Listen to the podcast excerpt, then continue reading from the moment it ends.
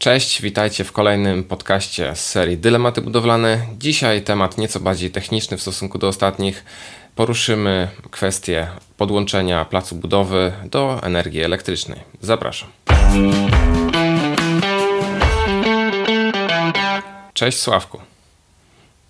Cześć Krystian. Jak zwykle pytanie, jak co tydzień, co tam u Ciebie nowego? Mm, chciałem zadać Tobie to samo pytanie ale, ale, ale, ale mnie uprzedziłeś. Wiesz co, w tym tygodniu czy coś nowego? Mm, no dużo roboty jakiejś takiej bieżącej. Z ciekawostek chyba nie mam, nie mam nic. Może ty coś masz ciekawego, żeby opowiedzieć? E, no, ja jestem. Nagrywamy podcast e, dzień przed tym, jak będę w Polsacie, bo zostałem zaproszony znowu do Polsatu, będziemy rozmawiać o oszuście budowlanym, e, którym e, zajęliśmy się parę miesięcy wcześniej. Jest firma budowlana z Rybnika, która po prostu szukała ponad 100 osób. E, no ale o tym, jak było w programie i czego się dowiedziałem, opowiemy w kolejnym podcaście, bo mamy tak zawsze ten tydzień, powiedzmy, opóźnienia. A poza tym, no cóż, zakończyliśmy pracę e, nad kursem, ale jeszcze parę materiałów musimy dograć, no bo temat budowy jest tak szeroki, że no, jest jeszcze trochę, trochę roboty, nie? E, ale no mhm. fajnie, wszystkim bardzo dziękujemy za, za zaufanie, za zakup naszego kursu, no i oczywiście życzymy oglądania i pozostajemy do Waszej dyspozycji. Tak, tutaj też dołączam się do tych podziękowań. Dzięki za zaufanie, dzięki za za to, że zdecydowaliście się na zakup naszego kursu, ale jeszcze Sławek pociągnę ten temat mhm.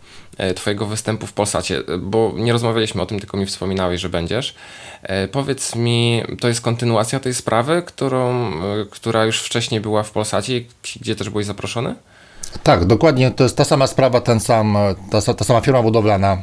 Po prostu teraz podobno prokuratura zrobiła jakąś dobrą robotę. Jest jakiś czas na podsumowanie tej sprawy. Mm, natomiast e, no, z, z informacji, które ja uzyskuję od poszkodowanych, bo mam z nimi bezpośredni kontakt, e, sprawa tak różowo nie wygląda, bo prokuratura owszem działa, ale jednak e, no, nie tak, jakbyśmy sobie tego życzyli. A komornik, czy też komornicy, którzy są zaangażowani, mówią wprost, że właściwie firmy nie ma pieniędzy, jest jakaś rozdzielność majątkowa z żoną i, i właściwie pieniądze są nie do odzyskania, a jednocześnie właściciel firmy e, ma się dobrze, bo dalej działa, więc e, bardzo dziwna sytuacja. Jestem ciekawy, jak to będzie przedstawione w programie, bo z tego co ja widzę, to minęło pół roku, ale efektów to nie ma żadnych, więc no zobaczymy. Dobra, to wiesz co, jak ktoś by był zainteresowany, chyba e, pierwsza ta część wcześniejsza sprzed pół roku była dostępna w internecie do obejrzenia, to możemy wrzucić link tutaj pod spodem. E, a jak w mhm. międzyczasie będzie, będzie druga część już też dostępna do obejrzenia, no to też wrzucimy pod, e, pod tym nagraniem w opisie. Tak jest, więc, więc zapraszam do, do obejrzenia. Zanim zaczniemy, dwa pytanka, właściwie jedno mam, jedną rzecz do powiedzenia w sprawie ogrzewania i mamy jedno pytanie od, e, od e, naszego słuchacza, pozdrawiamy i zachęcam do zadawania pytań. Chcę powiedzieć o, nawiązać właściwie do naszego odcinka o ogrzewaniu, bo on, odcinek był bardzo długi, ale jednak no, temat ogrzewania to wymaga pewnie kilkudziesięciu godzin omawiania. I parę osób powiedziało, że temat klimatyzatorów został przez nas tak bardzo pobieżnie potraktowany. E, więc e, chciałbym tylko ten temat szybko tak podsumować, że ogólnie, jeżeli komuś pasuje ogrzewanie nadmuchowe, to jak najbardziej może takie ogrzewanie rozważyć. Natomiast bardzo pamiętajcie o tym, że e, ogrzewanie w ten sposób oznacza, że potrzebujecie jeszcze czegoś innego, jakiegoś urządzenia do ogrzewania ciepłej wody użytkowej i na przykład potrzebujecie e, mat grzewczych na przykład w łazience lub w WC po to, aby po prostu w tych miejscach było ciepło. I zawsze jak e, podsumowujemy różne koszty wykonania ogrzewania, no to musimy wziąć wszystkie elementy, które wpływają na i na ogrzewanie, i na przygotowanie ciepłej wody użytkowej. E, dlatego jeżeli na przykład zastanawiamy się, czy wybrać pompę ciepła, czy klimatyzator, no to pompa ciepła służy do ogrzania ciepłej wody użytkowej i do ogrzewania domu, a mając klimatyzatory musimy mieć jeszcze dodatkowe urządzenia, tak więc czasami to porównanie może się okazać e, no, gorsze i klimatyzator wypadnie e, w tym porównaniu gorzej, a czasami pompa ciepła, ale zwracam na to uwagę, że każdy dom jest inny i takie porównanie no, jest konieczne, jeżeli chcemy wybrać najtańsze źródło ogrzewania. Więc jakby e, tutaj taka moja sugestia. Druga sugestia jest taka, że w komentarzach była rozmowa o tym, że na przykład jeden członek rodziny upiera się na dane źródło ogrzewania, a drugi członek rodziny na inne. No i tak naprawdę chyba od tego bym zaczął, czyli najpierw od rozmów, czyli co komu pasuje, jaki sposób ogrzewania jest dla kogo komfortowy, a dopiero potem szukał informacji o cenach i o tym, jak to jest opłacalne, no bo co z tego, że nawet wybierzemy jakiś ekonomiczny sposób ogrzewania, jak e, członek naszej rodziny będzie z tego ogrzewania po prostu niezadowolony. Tak więc, tak w ramach e, uzupełnienia. Nie wiem, czy Krystian, ty coś chcesz o tym naszym odcinku jeszcze po powiedzieć o ogrzewaniu? Coś dopowiedzieć? Nie, wiesz co, no, gdybyśmy mhm. mieli zacząć wchodzić w ten temat od nowa, to byśmy Kolej, zrobili kolejna godzina. ten temat, więc kolejna godzina, więc, więc nie, nie przedłużajmy jakby na, na tą chwilę. Wydaje mi się, że dostatecznie wyjaśniłeś.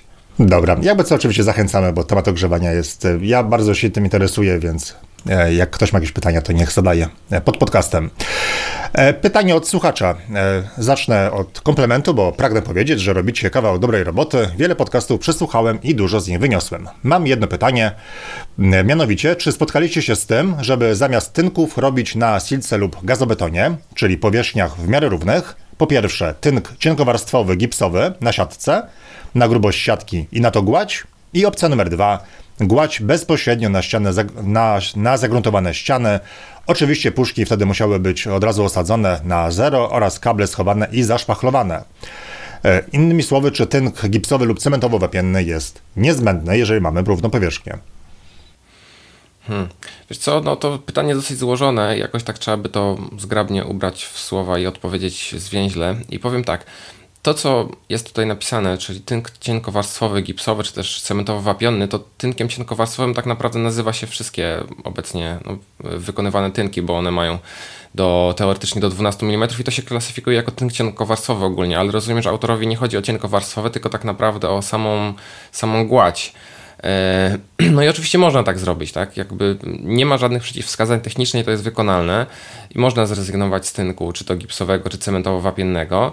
I osobiście tak spotkałem się z takimi rzeczami, ale przede wszystkim na sufitach e, z prefabrykatów, z płyt e, filigran czy wektor, tak? Na, na, czymś takim bez problemu da się to zrobić, bo płyty są naprawdę bardzo gładkie od spodu i tutaj absolutnie żadnych przeciwwskazań można śmiało tak zrobić. Jeżeli chodzi o ściany, no to nie praktykuje się tego z bardzo prostej przyczyny, bo ściany nie są tak bardzo idealnie równe, więc no, tak naprawdę gdybyśmy pokryli tą ścianę murowaną e, no, nazwijmy to tynkiem, tak, o grubości 3 mm, no to odwzorujemy pięknie wszystkie nierówności danej ściany i, no i będzie tak, jakby da się to wykonać, ale czy chcemy mieć odwzorowane nierówności ściany? No niekoniecznie, no, chyba, że ktoś chce, chyba, że ktoś chce zaoszczędzić albo to jest pomieszczenie techniczne, to absolutnie nie ma żadnych przeciwwskazań i można, można coś takiego wykonać. Okej, okay, moim zdaniem wyczerpałeś, wyczerpałeś temat. W ramach oszczędności można próbować, ale jeżeli chodzi o estetykę, to no to będzie, będzie trochę gorzej. Dobra, to co? Przechodzimy do tematu głównego. E, y, nie wiem, czy się zadziwię, ale znowu udało mi się dopasować w miarę e, tematyczną koszulkę. Mianowicie koszulka przedstawia elektryczny zespół trakcyjny, więc skoro będziemy dzisiaj rozmawiać o e, prądzie, no to pomyślałem sobie, że ta koszulka będzie pasowała. Od razu odpowiem Ci, że koszulek mam jeszcze dużo, więc... mi, się, mi się skojarzyło, że to jest po ukraińsku elektryczka. E, czy tak no, więc, e, więc tak, więc tematycznie jak najbardziej można uznać, że jesteśmy tutaj w temacie. Tak jest. Więc powiedz mi, e, co, co, jak z tym prądem budowlanym, jakie są opcje, co możemy zrobić, czego nie możemy zrobić? Tak, no dzisiaj chcieliśmy przede wszystkim wyjaśnić naszym słuchaczom, którzy dopiero zaczynają przygodę z budową, skąd wziąć prąd na działce, potrzebny na etapie budowy, ale też później już do zasilania budynku i mamy tutaj Mamy tutaj kilka opcji, postaramy się zgrubnie omówić wszystkie. E, pierwsza z nich to agregat prądotwórczy. E, Sławek, czy coś na ten temat chciałbyś powiedzieć, zanim jeszcze ja mm, wtrącę swoje zdanie? Sam, sam używałem agregatu, bo okazało się, że niestety u mnie zrobienie przyłącza trwało. Zresztą to tak zawsze jest, że to trwa po kilkanaście miesięcy dłużej. E, a e, miałem mieć pomoc sąsiada, który się troszeczkę no, e, wywinął, że tak powiem, więc trzeba było kupić agregat i początek budowy szedł na agregacie, tak więc nawet kupiłem sobie po to ten agregat, żeby potem mi służył do, do codziennego życia, że tak powiem. Więc kupiłem jakiś używany, który mi służy po dzisiejszy dzień. Jest to dobre rozwiązanie, natomiast no oczywiście e, no, e, paliwa idzie e, sporo, więc trzeba to też wziąć pod uwagę. Tak, dokładnie, dokładnie jakby przedstawiłeś to już na przykładzie rzeczywistym, co, co chciałem powiedzieć, czyli że agregat powinien fajnie się sprawdzić, jeżeli nie mamy innego źródła prądu, a początek budowy tego prądu nie wymaga stosunkowo dużo, tam są raczej mniejsze mhm. urządzenia o mniejszych mocach, typu jakieś szlifierki do cięcia wiertarki i tym podobne. Tego prądu wtedy nie trzeba dużo, agregat jak najbardziej się sprawdzi. Tak naprawdę stan surowy zamknięty, bez większego problemu da się zrobić z agregatu prądotwórczego. I tak naprawdę większa moc źródła tego zasilania jest potrzebna dopiero w momencie E, prac tynkarskich, bo tam dochodzi agregat tynkarski, który naprawdę potrzebuje już sporo tego prądu i tego taki malutki, zwykły agregacik w żaden sposób absolutnie nie pociągnie, więc naprawdę wiele, wiele prac da się zrobić na agregacie. Oczywiście jest tutaj koszt agregatu, jest kłopot związany z tym, że trzeba go chować, zabezpieczać przed złodziejami, dowozić paliwa i tak Ale da się, tak jak Sławek tutaj na mhm. własnym mhm. przykładzie potwierdza, że, że się da. I tutaj chyba więcej, więcej nie ma co omawiać. To jest, taka, to jest taka, takie rozwiązanie, które jest generalnie ok, jeśli, jeśli nie da się zastosować innych rozwiązań. Tak bym, tak bym to ujął. Mhm. Zgadzasz się, kiwasz głową. Zgadzam się, po, oczywiście, zgadzam się, więc pewnie rozwiązanie numer dwa to co, prąd od sąsiada? Tak, rozwiązaniem numer dwa byłby prąd od sąsiada. Gdyby to było e, legalne, tak? Gdyby to było legalne, to po pierwsze. Tak. Mm, po drugie, gdyby ktoś miał sąsiada, który się zgodzi. Mhm. Po trzecie, no musi być blisko, tak? I tutaj sytuacja jest troszkę podobna do tej na agregacie, bo tu też można by, teoretyzując, gdyby to było legalne oczywiście, pociągnąć prąd też tylko na pewne etapy budowy. E, no bo tak jak wspominałem, agregatu tynkarskiego na prądzie od sąsiada, no może być różnie. Jeśli sąsiad ma duże zabezpieczenia, kupimy wielki przedłużacz, no teoretycznie dałoby radę. Także to jest takie rozwiązanie, no niektórzy próbują, tak, ale może sąsiad się nie zgodzi, tak jak Sławek powiedział, więc to jest takie, taki półśrodek. Jak się uda czasami komuś gdzieś coś, no to może się udać, ale jakby nie jest to rozwiązanie podstawowe, które, które moglibyśmy zarekomendować. Tak, nie jest, aczkolwiek zdajemy sobie sprawę, że dosyć powszechnie jest taki prąd ciągnięty od sąsiada, jeżeli oczywiście sąsiad jest tuż obok. O tym się oczywiście głośno nie mówi i ktoś rzeczywiście może nam nałożyć karę, ale prawda jest taka, że taka jest, e, taka, tak, tak to wygląda bardzo często. Więc e, jakby nie, nie chcę ukrywać, że, że czegoś się nie robi, więc mam praktyczną uwagę. Jeżeli mamy już sąsiada, z którym jakoś się chcemy e, dogadać, to ustalmy jakieś warunki od razu, tak? Czyli na przykład, nie wiem, jakiś podlicznik, na przykład, żeby się rozliczać za ten prąd, albo po prostu ustalić, że płacimy mu tyle, a tyle w ramach za właśnie udostępnienie. E, no bo są różne czasami sytuacje takie, że potem sąsiad jest zdziwiony, że rachunek mu wzrósł i ma jakieś pretensje do nas, a chyba nie ma nic gorszego niż e, sąsiad, z którym mamy już zatargi na samym początku budowy. Tak więc po prostu ostrożnie, jeżeli mamy zamiar takie, e, takie rozwiązanie wprowadzić, to zróbmy to na czytelnych warunkach, tak żeby nikt nie czuł się nie wiem, poszkodowany na przykład. Dokładnie tak, dokładnie tak. E, więc tutaj mamy opcję drugą i opcja trzecia. I tutaj ta opcja jest najbardziej rozbudowana i dlatego jej chciałbym poświęcić najwięcej czasu. To e, przyłącze tymczasowe e, już z zakładu energetycznego albo przyłącze docelowe.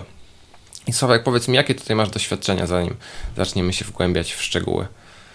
Wiesz co, z tymczasowymi przyłączami dosyć niewielkie, bo e, ja w wszystkich materiałach, nawet we wszystkich kursach mówię, żeby to, to przyłącze zrobić jak najszybciej po zakupie działki, albo jak tylko myślimy o budowie domu, więc większość na przykład kursantów ma już to, wiesz, przyłącze e, to porządne, że tak powiem, więc na temat tymczasowego przyłącza chyba więcej ty powiesz. Mhm.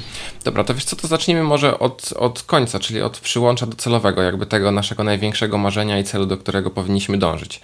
I tutaj opcje znowuż są dwie. Albo kupując działkę, to przyłącze już jest, czyli krótko mówiąc, na granicy działki stoi skrzynka, zwana złączem kontrolnym albo złączem kontrolno-pomiarowym, gdzie znajduje się licznik i do której tak naprawdę można by się już przyłączać. Jeżeli chcemy, jeżeli mamy taką skrzynkę na działce, to tak naprawdę większość problemów już jest za nami. Należy się do tej skrzynki oczywiście podłączyć, e, żeby mieć prąd na swojej działce e, budowlanej. Mm, I procedura jest następująca. Najpierw wnioskujemy do zakładu energetycznego o wydanie warunków technicznych na przyłącze uwaga, tutaj mówię tymczasowe, czyli zasilenie placu budowy, tak, nie mylić tego z przyłączem docelowym, yy, na zasilenie placu budowy i zakład energetyczny wyda warunki, w których napisze, tak, oczywiście możesz się podłączyć do tej konkretnej skrzynki ze złączem tymczasowym. I teraz najważniejsze jest to, że należy we własnym zakresie wziąć elektryka, który takie przyłącze tymczasowe wykona. A przyłącze tymczasowe polega na tym, że prawdopodobnie zaraz obok tej skrzynki energetycznej, dosłownie metr pół, e, postawi rozdzielnię budowlaną zwaną po prostu erbetką, w której będą gniazdka, w której będą bezpieczniki, no i krótkim kablem podłączy się z erbetki do rozdzielni, e, czy właśnie do tego złącza na granicy działki, tak, a tam zakład energetyczny zamontuje licznik. I oczywiście z własnej kieszeni należy wtedy pokryć Mm, koszt pracy elektryka, który mm, raz, że załatwi formalności, dwa, że wykona tą erbetkę i przyłącze tak naprawdę tymczasowe, ale to jest najbardziej komfortowa sytuacja ze wszystkich, bo nie, nie musimy, bo jakby koszt jest stosunkowo mały, czas oczekiwania jest stosunkowo krótki mm, i, i praktycznie mamy to przyłącze od razu jakby w wysokiej jakości wykonane, a później po zakończeniu budowy przyłącze tymczasowe jest demontowane.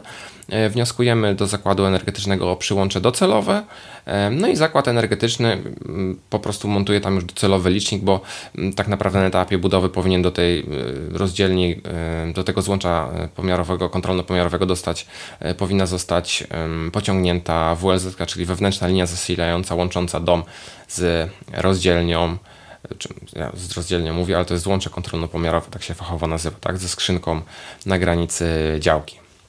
Tak, i to jest myślę, że najprostsza, najprostsza procedura i tutaj zwykle problemów nie ma, bo jest szybko i tanio. Chyba, że tutaj jakieś pytania ci się pojawiają, ale ja tutaj problemów wiele nie, nie Jestem ciekawy, widzę. czy tak jest w całej Polsce, bo są tak różne zasady, więc po, jestem po, po prostu ciekawy, więc tutaj też zachęcamy do zadawania pytań, a y, pytania jako takiego nie mam, tylko raczej ostrzeżenie, bo Ostatnio e, znajomy, który kupił działkę z skrzynką elektryczną, wydawałoby się, że wszystko jest w porządku, ale podczas wykonywania kolejnych prac okazało się, że w skrzynce są po prostu wyrwane kable. E, I e, trzeba było robić od nowa całą procedurę, bo zakład energetyczny PGE taką ma procedurę, że nie mógł tego naprawić. W ogóle jakieś nie do, końca, nie do końca wiem, jak to wyglądało. Wiem, że to trwało tyle samo, co zrobienie przyłącza od nowa. Tak więc e, takie ostrzeżenie, tylko jak kupujemy działkę ze skrzynką, to otwórzmy ją i zobaczmy, czy tam wszystko jest w porządku, bo jak się okazuje, nawet to trzeba sprawdzać. Tak, tutaj jeszcze też przy okazji ostrzeżenie, że uwaga taka, kupując taką działkę warto się zorientować, e, czy to jest faktycznie złącze kontrolno-pomiarowe do tej działki. Można napisać do energii, sprawdzić, e, czy od właściciela poprzedniego, czy sprzedającego uzyskać dokumenty, co to tak naprawdę jest, żeby mieć całkowitą pewność, że to jest skrzynka przynależąca do tej działki i on jest faktycznie właścicielem, żeby się nie okazało później, że właścicielem jest osoba jakaś trzecia, e, a skrzynka jest tak naprawdę blisko, ale to w niczym nie pomaga, bo trzeba i tak coś tam, coś tam. Więc jakby formalności też trzeba dopilnować na, na etapie zakupu działki. E, no ale jakby tutaj rozmawiamy przede wszystkim o, o samym tym technicznym aspekcie podłączenia. Więc jeszcze y, chciałem zaczepić o to, co wspomniałeś, czyli procedury w całej Polsce. No ja mam największe doświadczenie z Energią, bo tutaj na moim obszarze jest Energa, ale z tego, co zaglądałem na strony internetowe innych dostawców energii, to wygląda to podobnie. Może, może się nieco różnić, jakby w detalach, ale z grubsza zasada jest podobna i też naprawdę wyjątkowo tutaj należy podkreślić, że te strony internetowe wszystkich dostawców energii są naprawdę fajnie zrobione. Jeśli ktoś ma pytania, one całkiem, całkiem dobrze prowadzą dosłownie krok po kroku przez całą procedurę, tylko oczywiście jakby trzeba być świadomym, co się robi, a, ale naprawdę fajnie to jest tam opracowane na wszystkich stronach internetowych, które widziałem, więc tak, więc tym by się należało e, sugerować, przechodząc tą procedurę no, formalną, już tak to nazwijmy. A przy takim e, przyłączu tymczasowym mamy jaką taryfę? Właśnie, taką budowlaną, czy tą, czy tą e, drogą, bo są różne pomysły, y, też na forach pewnie widziałeś, żeby na przykład e, zrobić przyłącze do garażu albo do altany, po to, żeby mieć prąd w niższej taryfie, bo jak masz prąd budowlany, no to masz taryfę jakąś tam chyba C11, bo o ile pamiętam. Tak. I też są różne pomysły, a to też bardzo zależy od, od e, lokalizacji. U mnie na przykład nie ma opcji takiej. Po prostu wielu próbowało, z PGE się nie dało nic ustalić. Teoretycznie prawo jest po stronie e, naszej, czyli możemy mieć prąd tańszy budując dom, ale prawda jest taka, że nikt nie będzie się z tym szarpał i nie wiem, przed do sądu, bo to na to nikt nie ma czasu. Więc mimo tych prób każdy płaci więcej. E, natomiast wiem, że w innych częściach kraju zdarza się, chyba też nie, nie, nierzadko, że udaje się podłączyć prąd do altany lub garażu, lub nawet do miejsca, które jeszcze nie, nie, które jeszcze nie istnieje i płacą ludzie mniej. Tak więc to też taki temat ciekawy. Tak, to też, to też należy nadmienić, że e, jakby domyślnie prąd budowlany jest kwalifikowany do taryfy C11, co nie wynika z żadnego regulaminu ani żadnych przepisów. Przynajmniej ja nie znalazłem takowych i nie znam osoby, która by znalazła. Jakby zakład energetyczny narzuca to, bo tak, bo jest duży, bo może, e, narzuca droższą taryfę C11 tą dla przedsiębiorców i tyle. I jeśli chcemy mieć prąd tańszy na taryfie G11 czy jakiejkolwiek innej, no to tak naprawdę trzeba e, no, kłócić się, krótko mówiąc, z zakładem energetycznym. I słyszałem o przypadkach, że ludzie rzeczywiście się wykłócili, czyli albo na e, etapie budowy do prądu budowlanego udało im się załatwić sobie taryfę G11, no bo, bo zakład energetyczny nie miał podstaw, żeby narzucić tą C11, bo nie ma takiego przepisu ani regulaminu, ani w umowie to też nie jest sprecyzowane, bo sprawdzałem przynajmniej w Enerdze. E, ale no to jest, to jest jakaś tam, jakiś tam kłopot, jakaś tam kłótnia, jakby nie patrzeć z zakładem energetycznym i dla hobbystów, jeśli ktoś ma czas i ochotę, niech, niech próbuje, jak najbardziej. No zwykle czasu nie ma i ochoty też nie ma, więc ludzie machają po prostu na to ręką i płacą droższą e, taryfę, droższy prąd. No to jest koszt rzędu pewnie hmm, tysiąca, tysiąca już może nie, ale bardziej dwóch, trzech na całej budowie, bo te ceny prądu podskoczyły ostatnio. No i jakby ile da się z tego zaoszczędzić? No pewnie sporo da się z tego zaoszczędzić, ale to jest jakaś tam dodatkowa praca, bym powiedział, dla chętnych y, i bardziej zaawansowanych w, w formalnościach osób. Tak jest. No i jakby nie, nie dziwi to, że niektórzy po prostu biorą przedłużacz od sąsiada i ciągną prąd, bo wtedy mają taryfę też tańszą. No taki mamy zwariowany kraj czasami, że tak, i, trudno, i trudno ogarnąć. Tak. Mhm. I przyłącze od sąsiada jest realizowane natychmiast. Tak. A no. może być sytuacja numer dwa, już nie wiem, która sytuacja, jakby przypadek drugi z sytuacji numer 3 albo coś takiego, już słuchacze sobie pewnie policzą, czyli gdy chcemy mieć prąd docelowy, zawsze chcemy mieć przyłącze docelowe, bo z niego będzie zasilony później nasz dom już w tej docelowej taryfie G11, ale w, w obrębie działki czy na granicy działki nie ma żadnej skrzynki, tak? I to jest problem. I to jest dosyć powszechna sytuacja, mm, i bardzo problematyczna, o tyle, że wykonanie przyłącza docelowego, no to jest rok, półtorej, tak średnio, czasem zdarza się 9 miesięcy, w super ekstra szybkim przypadku, czasem 2 lata, a czasem jeśli trzeba przejść przez jakąś czyjąś jeszcze działkę, uzyskać pozwolenie i tak dalej, to może się ciągnąć w nieskończoność, więc to jest problematyczne i dlatego tutaj wchodzimy w miejsce, gdzie, y, w temat, który Sławek wspominałeś, że jak najbardziej zaleca wszystkim, y, we wszystkich możliwych kursach i okazjach, żeby czym prędzej zacząć organizować sobie e, przyłącze docelowe. I tak, to jest dobra rada jeżeli ktoś już kupił działkę i myśli o budowie domu, powinien zabrać się za załatwianie formalności związanych z przyłączem docelowym, ale tu jest jedna uwaga tak naprawdę umowę na przyłącze docelowe, e, ważną umowę można podpisać stosunkowo szybko, ale do tej umowy e, obowiązkowym załącznikiem, który trzeba załączyć w ciągu bodajże kilkunastu dni, przynajmniej tak jest w Enerce od daty podpisania umowy, jest e, plan zagospodarowania terenu z umiejscowionym budynkiem już podpisanym przez architekta, czyli krótko mówiąc, nie da się tego zrobić, bo, bo jeśli tego nie załączymy, to po prostu Energa nie będzie kontynuowała pracy albo będzie miała wymówkę, dlaczego jeszcze nie jest zrobione, tak? Czy Energa, czy, czy inny zakład energetyczny.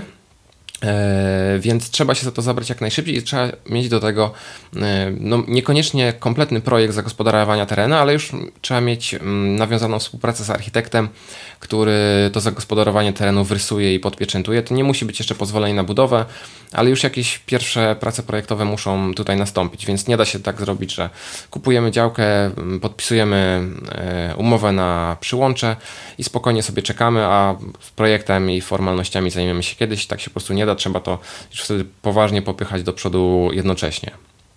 E, więc tak? Pytanie? Tak, znaczy wiesz co, no przecież e, możesz kupić działkę i ją uzbroić, nie robiąc prac projektowych, więc być może to znowu jest inaczej w PGA, inaczej jest e, jakby w twojej lokalizacji, bo na przykład wystarczy tylko mieć mapę zasadniczą, na której ty po prostu jako ty inwestor e, markerem rysujesz pod, mniej więcej oczywiście, jak będzie budynek zlokalizowany i gdzie będzie zlokalizowana skrzynka elektryczna i nie musisz mieć do tego e, stempelka ani e, architekta, projektanta. Więc można uzbroić działkę bez całej tej procedury związanej z projektowaniem twojego domu. No to widzisz, to są jakieś różnice już tutaj się pojawiają w, w różnych regionach kraju. No, wiem, że też jest jakaś procedura uzbrajania działek, mm, taka zbiorowa, gdzie ktoś po prostu sprzedaje e, uzbrojone, uzbrojone działki, już wydzielone tak z jakiegoś większego pola, ale no tego nigdy nie testowałem samodzielnie, więc, więc też nie chcę się wypowiadać, raczej, raczej tutaj mm, próbuję poinstruować osoby, które już mają działkę i próbują ją samodzielnie e, uzbroić. Więc tak, może, może to się różnić, nie? Jakby, jak najbardziej. To się może różnić, tak jak mówiliśmy na początku, w szczegółach e, pomiędzy różnymi regionami kraju. No w każdym razie tak czy inaczej, e, to jest najdłuższa opcja i ona, ona trwa dosyć długo. I teraz, żeby mieć prąd na budowie, to możemy albo z wyprzedzeniem oczywiście sobie tą procedurę rozpocząć, poczekać rok, półtorej, i do, dojść do momentu, gdy będziemy mieli już tą skrzynkę e, elektryczną na granicy działki i z niej zrobić przyłącze tymczasowe, tak jak opowiedziałem to przed chwileczką w poprzednim e, przypadku. No ale tak jak mówię, tutaj mamy rok, półtorej oczekiwania i wtedy trzeba poczekać z tą budową rok, półtorej. Więc jeśli komuś się nie śpieszy, to jest dobra opcja, tak? Krótko mówiąc, należy ją i tak przeprowadzić, bo i tak to przyłącze będzie potrzebne później do budowy domu. E, więc, więc tak, to jest opcja dla, dla osób cierpliwych, dla tych, które mają E, trochę czasu, ale zdarza się też sytuacja, gdy chcemy budować jak najszybciej, nie chcemy czekać te półtorej roku. I to jest, i to jest taka sytuacja, która no, rodzi najwięcej kosztów, bo po pierwsze musimy e, to przyłącze energetyczne mm, docelowe i tak, i tak czym prędzej E, nazwijmy to zamówić, tak? czy podpisać umowę i czekać na jego wykonanie. I jeżeli zaczniemy jednocześnie prowadzić budowę, jednocześnie złożymy dokumenty i podpiszemy umowę o to przyłącze docelowe, no to ono będzie za półtorej roku, czyli mniej więcej w momencie, gdzie, kiedy budowa się kończy i tutaj też będzie, to, i to się zgra, krótko mówiąc, yy, i będzie można już dom zasilić z tego przyłącza docelowego, nie powinno być problemu. Jeszcze jedna rzecz mi się przypomniała, zanim pójdziemy dalej. To przyłącze docelowe Y, jest, y, jego koszt jest ryczałtowy, czyli on jest zależny najczęściej od y, zamówionej mocy przyłączeniowej. Więc tutaj jakby odległość jest mniej ważna. Fakt, że tam przynajmniej tak jest w Enerze, za chyba powyżej 200 metrów długości przyłącza jest jakiś dodatek, już za metr liczony, ale do 200 metrów, a często się zdarza, że te przyłącza jakby są dosyć bliskie, e, no to jest opłata ryczałtowa za e, moc przyłączeniową i ona jest stosunkowo mała tak naprawdę. Te, koszt tego przyłącza to jest zwykle gdzieś 1000-2000 zł, także tutaj nie ma jakichś strasznych kosztów. E, ale wracając. Jeżeli mamy mm, działkę bez takiego przyłącza, to czym prędzej załatwiamy.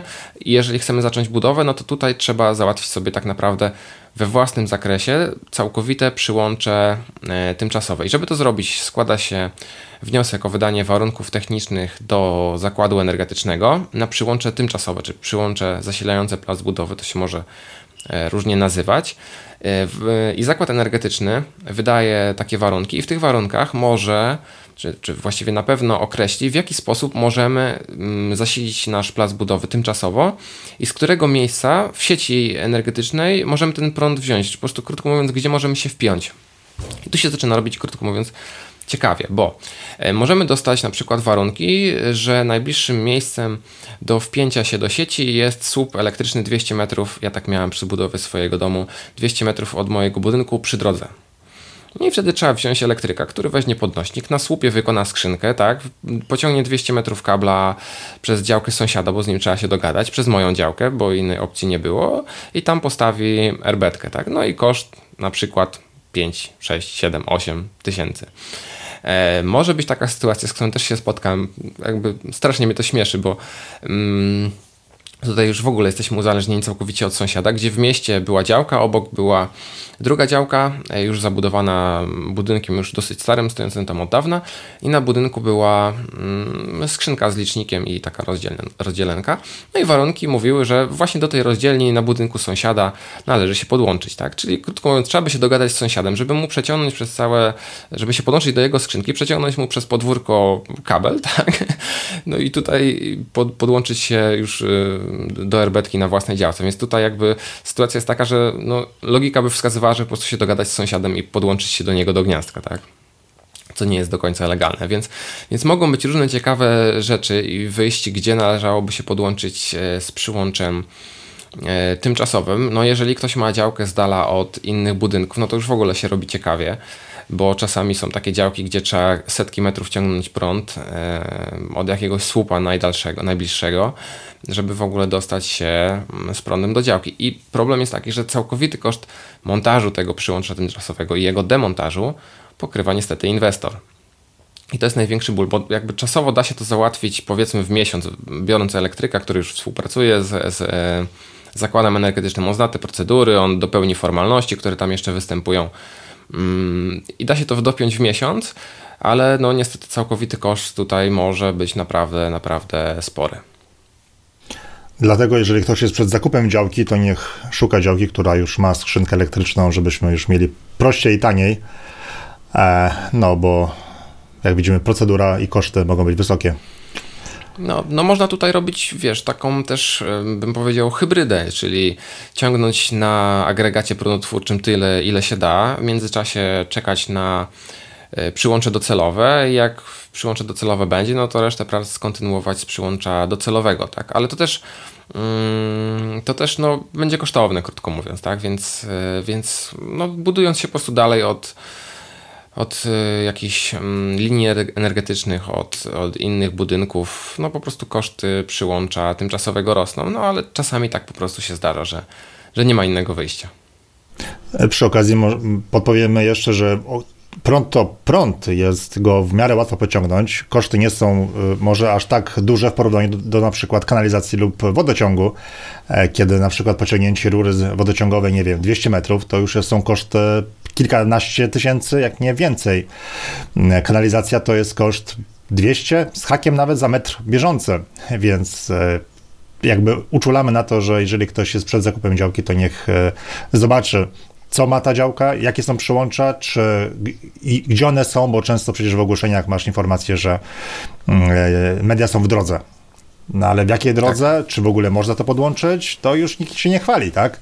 A uzbrojona działka to jest taka, która ma skrzynkę elektryczną, która ma już przyłącza wszystkie, a to, że są gdzieś media w drodze, to, to nic nie znaczy, to działka jest nieuzbrojona.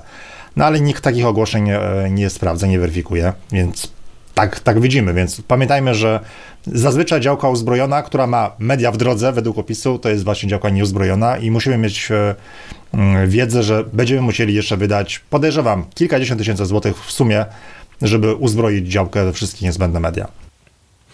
Tak, to słusznie mówisz i tutaj jakby mm, mówimy o, przede wszystkim o prądzie, ale tak naprawdę z prądem i z wodą jest najmniejszy problem i najmniejszy koszt. Najgorzej może być z kanalizacją, tak? No bo raz, że koszty, a dwa, że nie wszędzie da się, bo kanalizacja naturalnie musi mieć spadek, więc jeżeli spadku nie ma i to, że na przykład kanalizacja jest zaraz obok w drodze, to też nie znaczy, że da się do niej podłączyć z tego prostego tytułu, że może tam nie być odpowiednich spadków, żeby po prostu ścieki sobie E, ze spadkiem grawitacyjnie mogły odpłynąć.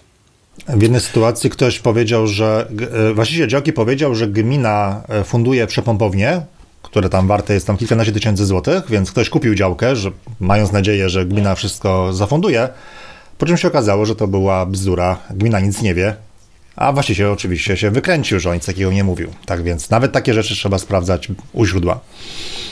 Tak, to też z tymi kanalizacjami, no bo jakby kanalizacja jest też najmniej powszechnym w mniejszych miejscowościach, czy już trochę bardziej na obrzeżach miast, jest najmniej powszechnym medium i to też trzeba sprawdzać, bo też w warunkach zabudowy występują różne kwiatki, e, typu należy podłączyć się do instalacji kanalizacji e, miejskiej, a kanalizacji miejskiej nie ma, tak? I wtedy się zaczynają pytania, a czy szambo takie, a czy oczyszczalnia może być, a czy coś tam, a czy coś tam, więc jakby warto to wszystko wyjaśnić sobie no, z wyprzedzeniem, żeby później było mniej niespodzianek, krótko mówiąc. Tak jest. O, przy okazji, skoro mamy 300 minuty podcastu, zreklamuję kursy budowlane nasze na jaksiewybudować.pl. Niezależnie, czy ktoś jest przed zakupem działki, czy po zakupie, tam znajdziecie wszystkie naprawdę bardzo duże informacje na każdy temat, od zakupu działki po e, stan deweloperski.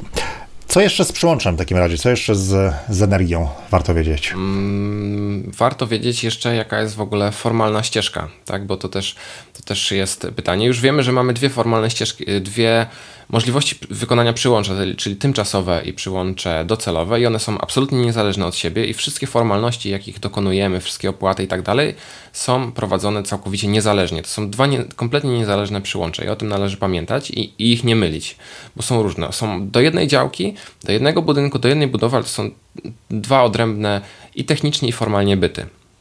I teraz tak, jeżeli chcemy e, takie przyłącze sobie wykonać, jaka jest ścieżka formalna? Już tutaj tak to się przewinęło mniej więcej, ale mm, tak dla uporządkowania wiedzy.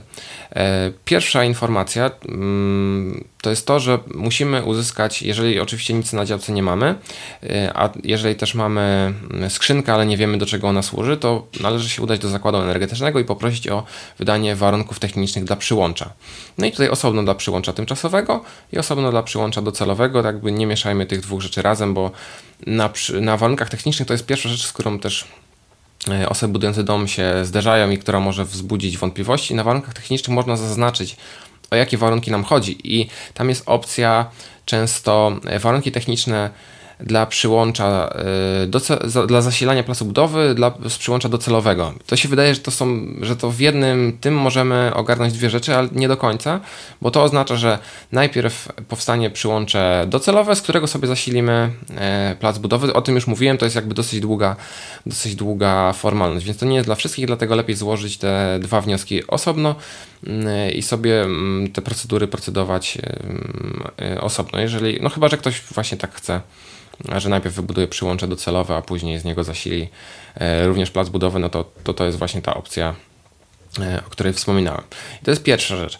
Druga rzecz, po złożeniu takiego wniosku, Energa mm, dla przyłącza tymczasowego podeśle nam gotowy wzór umowy, E, który należy podpisać i zająć się wszystkimi formalnościami i samym przyłączem technicznym. I do tego służy elektryk, krótko mówiąc. Tutaj jakby samodzielnie nie warto, nie warto w to brnąć, bo i tak trzeba mieć uprawnienia elektryczne. Elektryk musi to przyłącze wykonać, musi zrobić do tego rysunek, podbić swoją pieczątką, swoimi uprawnieniami to i tak naprawdę on tą procedurę przyłącza tymczasowego z technicznego punktu widzenia dokańcza gdy jest zrobiona, no to podpisujemy z, z Energą umowę na e, świadczenie usług e, już dostawy, dostawy prądu. I to, to jest jakby ta ścieżka.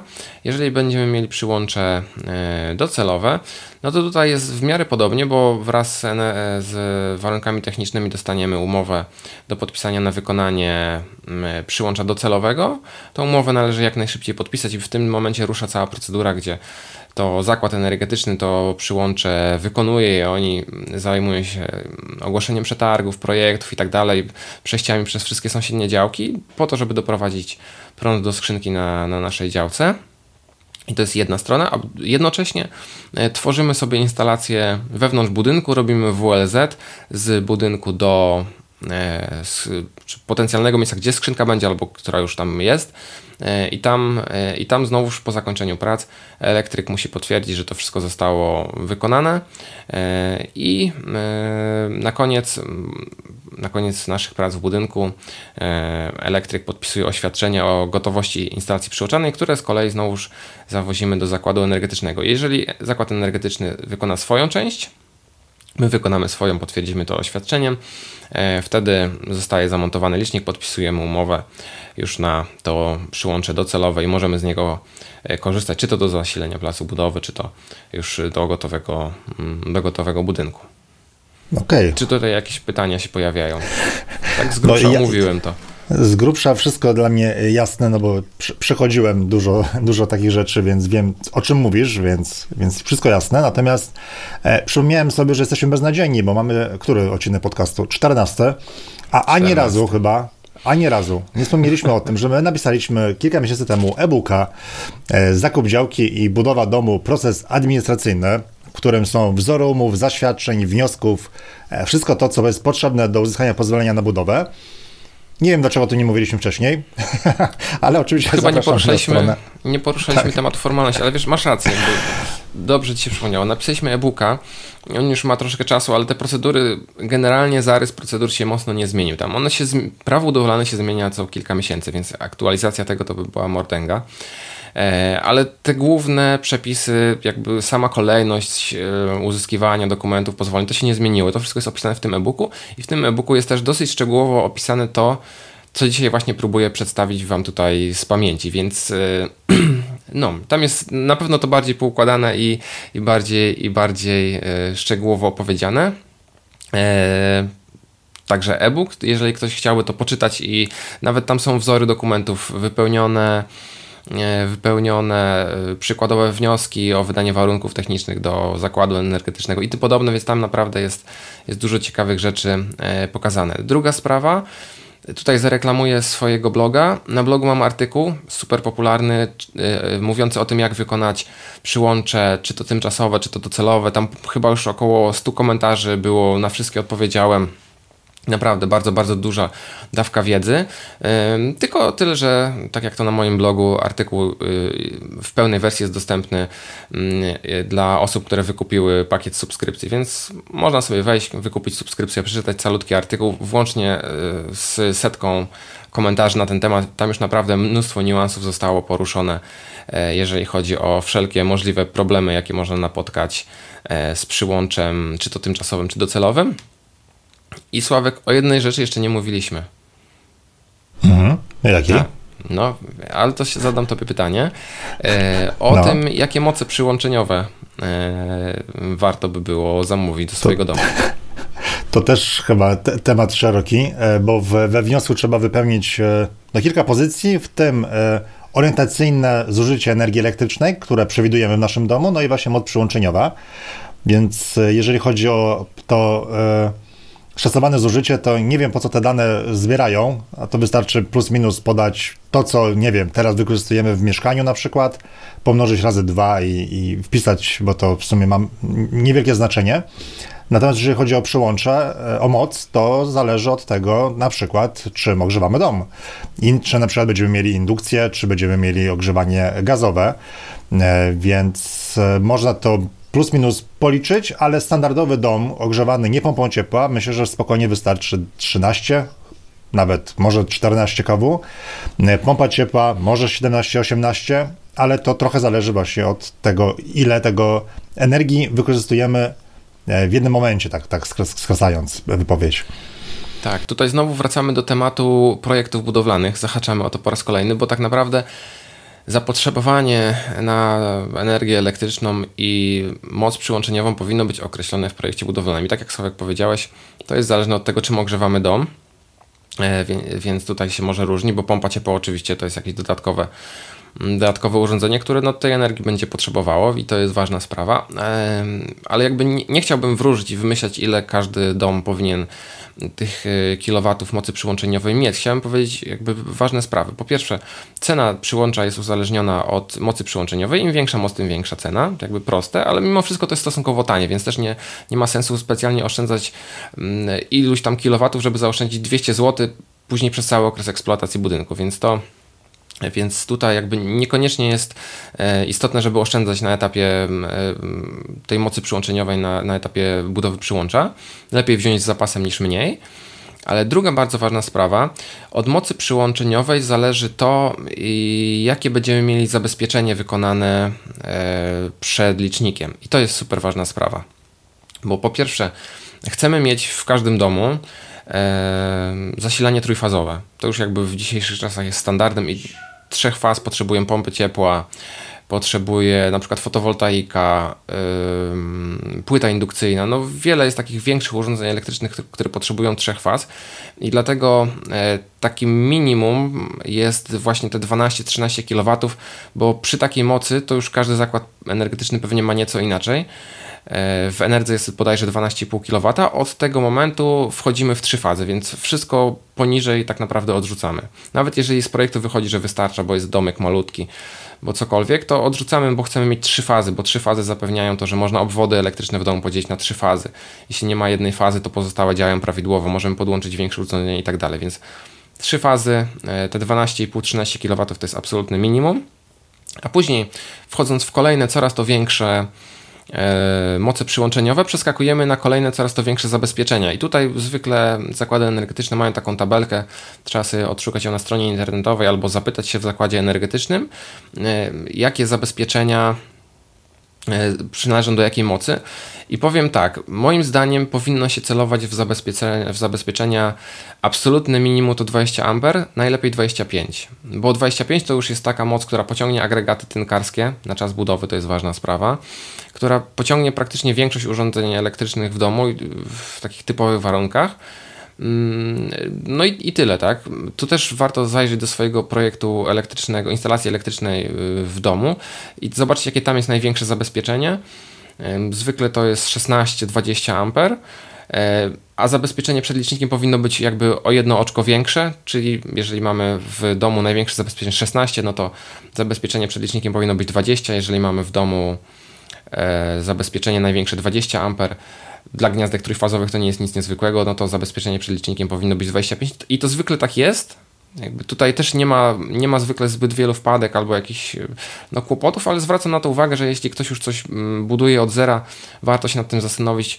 Niedługo w modzie może będą mm, ładowarki elektryczne w każdym domu, one też potrzebują kilka ładnych kilowatów mocy, większe zabezpieczenia, więc może warto po prostu na etapie budowy dorzucić 200, 300, 500 zł do większej mocy przyłącza, e, większego zabezpieczenia niż później drapać się po głowie, jak tutaj podłączyć ładowarkę elektryczną do samochodu za parę lat, albo e, wybierać ładowarkę typu 1 kW, najmniejszą jakąś możliwą i ładować samochód 50 godzin zamiast 5-10, tak? Przytakujesz, nie masz więcej pytań. Tak, wszystko, słuchaj, wszystko dla mnie jasne. Są tabelki, tak, na przykład e, moc od 14 do 16 kW to jest e, zabezpieczenie 25 amperów. Można sobie to wszystko wyklikać. No i oczywiście kontakt z projektantem, z elektrykiem no jest potrzebny, no bo przecież my nie musimy się zdać na wszystkim, my jako inwestorzy, którzy budują nasz pierwszy dom, więc e, fachowcy Wam wszystko dobrze podpowiedzą. Jasne. No tutaj weszliśmy troszkę w szczegóły, ale tak, tak. No, wszystko jest potrzebne. Zwracamy, no. zwracamy, tak, mhm. tak, zwracamy na to uwagę. Do, nie trzeba tego wszystkiego wiedzieć na pamięć, nie trzeba tego znać, nie trzeba tego umieć i rozumieć, no, no ale zwracamy na to uwagę, żeby skoro już robimy to przyłącze, to zrobić je dobrze, skonsultować się z fachowcem. Tak jest. To tyle. To tyle. No, e, przyznam, że ten taki e, odcinek mamy, e, nie żartujemy w nim, ale powiem na koniec, że jak powiedziałeś mi o temacie, który chcesz poruszyć, to przecież powiedziałem ci, no ale co to, 15 minut i co będziemy mówić w podcaście? Tutaj wiesz, 45 minut za, zaraz minie, a temat no jest e, może jeszcze niewyczerpany, ale jeszcze pewnie byśmy mogli trochę na ten temat powiedzieć, a to tylko przyłącze energetyczne. Wydawałoby się, że e, no w sumie prosty temat, a okazuje się, że dużo może o tym mówić.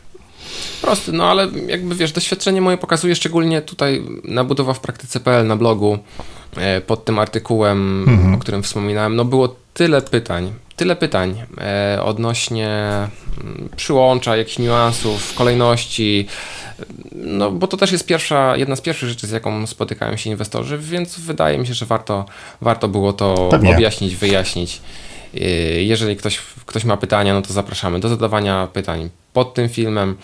Na moim blogu, e, jeżeli tam wykupicie sobie dostęp, e, na grupie wsparcia mamy tego e-booka, Także no, chyba już ciężko tutaj więcej polecić jakichś miejsc, gdzie można się o coś zapytać i dowiedzieć. Tak, tak, tak. Maile też macie do nas, piszecie do nas wiadomości, więc wiecie, że kontakt z wami jest i na, każdą, e, na każde pytanie odpowiadamy, więc zachęcamy raz jeszcze.